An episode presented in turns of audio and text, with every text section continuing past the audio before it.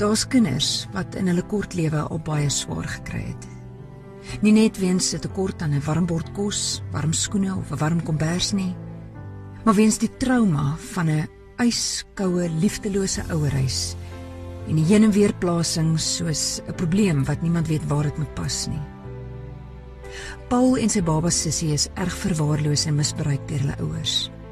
Paul is geskop en geslaan en as straf is hy gedwing om sy ontlasting te eet. Hy was eendag so honger. Hy het vir die tannie langs aan gevra vir iets om te eet. Sy het vir hom 'n appel gegee en toe sy ma dit sien, het sy die appel by hom gegryp en voor hom stikkend getrap. Paul en sy sussie is verwyder uit hulle ouers se sorg en by verskillende pleegsorghuise geplaas. Paul was maar 4 jaar oud en sy sussie 8 maande. Nadat Paul se pleegsorgplasing misluk het, is hy na 'n kinderhuis gestuur. As gevolg van die intense verwaarlosing het hy beperkte intellektuele vermoëns en hy is gespot en geboelie. Dit het baie sleg met hom gegaan en hy is weer eens verwyder en nog 'n keer geplaas. Die slag by huis Gracia. As groot mense se sleg sê en sleg doen, verwerping, verwaarlosing, afbreeking, afknou al is wat jy nog ooit geken het, dan verstaan 'n mens Paul se wantroue en agterdogtigheid, sy kwaad wees en bang wees want hy weet nie watter nuwe sleg hy hierdie keer gaan leer ken nie. Maar met verloop van tyd leer hy om te vertrou. Want daar's elke dag weer vir jou kos, jou eie bord kos en liefde en aanraking, maar maar die soort wat sag voel op jou lyf. 'n Stywe drukkie, skoot om op te sit en 'n oor om in te fluister, daai dinge wat jy nog nooit vir iemand anders kon vertel nie. As Paul groet in die oggend op pad skool toe, dan verseker hy homself en tannie Trudy, ek gaan nou weer kom, sien jy nou nou. Paul floreer op die liefde en versorging wat hy by Gracia kry. Hy voel spesiaal en belangrik. Hy het hoop vir die toekoms. Paul se sussie is deur haar pleegouers aangeneem en het saam met hulle oor see gaan woon. Daar's 'n blink toekoms wat vir haar voorlê.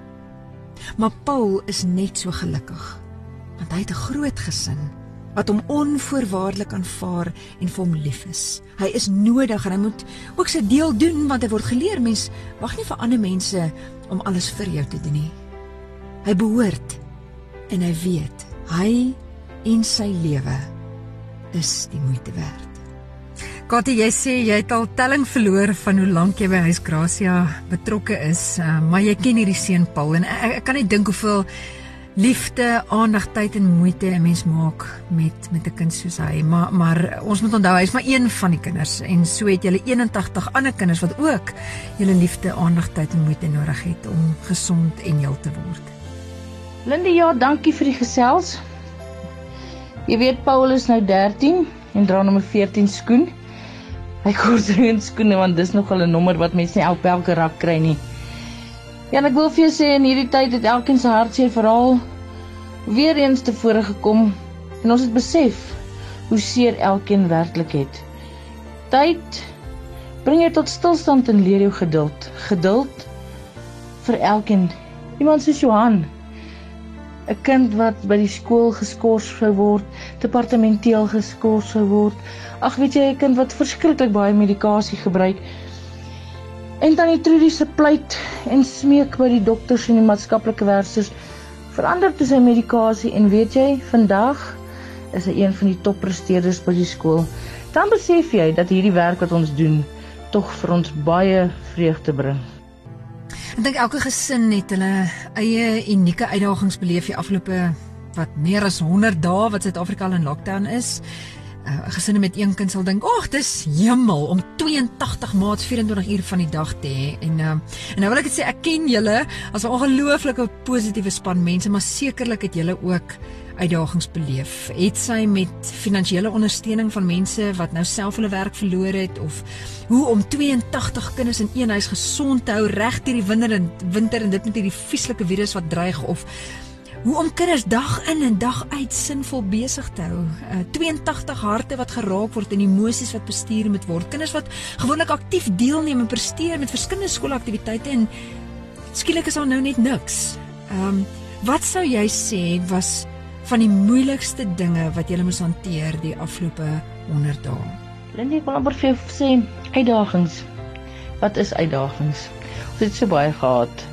Jy weet om die kinders produktief besig te hou is nie maklik nie.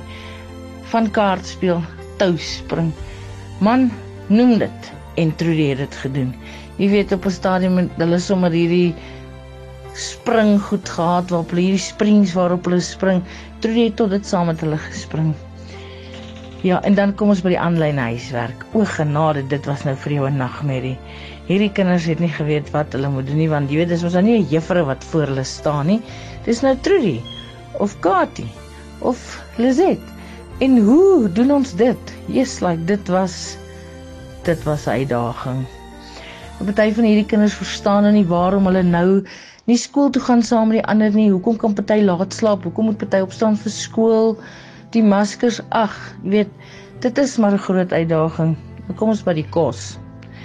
Hulle het vir ons geëet elke dag 'n hele paar uur lank. Ons het naderhand nie meer geweet wat gaan ons op die brood sit nie. Ja, en en Katie dan dink ek net weer eens, ek pak brood of ek maak middagete vir 3 kinders, maar julle het 82 kinders.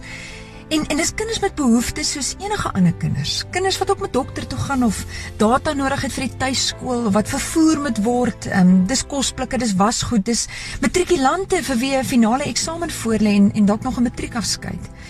So ek wil vir jou vra, wat sou jy sê is julle dringendste behoeftes op die oomblik, maar ook wat is die beste manier wat mense julle kan help?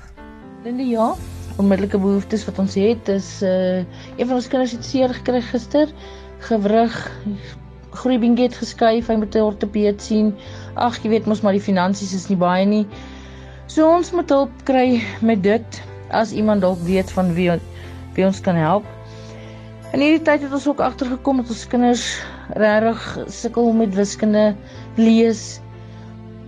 Klein simpel goedjies wat hulle eintlik terughou in die lewe. So weet as iemand enigiemand ons kan help, maak nie saak hoe nie. Ehm um, sal ons dit waardeer. Dan ja, fondse. Fondse is maar altyd by ons 'n uh, behoefte en kos aangesien ons afhanklik is van die publiek. En weet jy dit maak nie saak hoe bietjie of hoe min jy gee nie. Elke bietjie wat jy gee, maak die pot vol. So maak nie saak wie en wat ons wil help nie. Ons waardeer dit altyd baie. So ek dankie sê vir die mense wat in hierdie tyd gedurende die lockdown tot en met nou toe vir ons ondersteun het. Ons waardeer dit opreg. Dankie vir Katie, dankie vir Lizet, huismaat Trudy vir elke dag se tyd, moeite, liefde en aandag. Ons sê dankie vir Spar vir hulle bydrae tot Gracia se koskaste. Uh dalk is jy 'n ortopeed wat kan help met daai kind wat um, sy gewrig beseer het of dalk weet jy waar ons 'n nommer 14 skoen kan kry of Dalk is jy 'n gesin wat vir een van daai kinders kan help met 'n stel wintersklere of kan help met lees of bietjie ekstra wiskunde. Soos Katie sê, elke bietjie maak die pot vol. Maar ook die magies in die harte van die kinders van Huisgracia.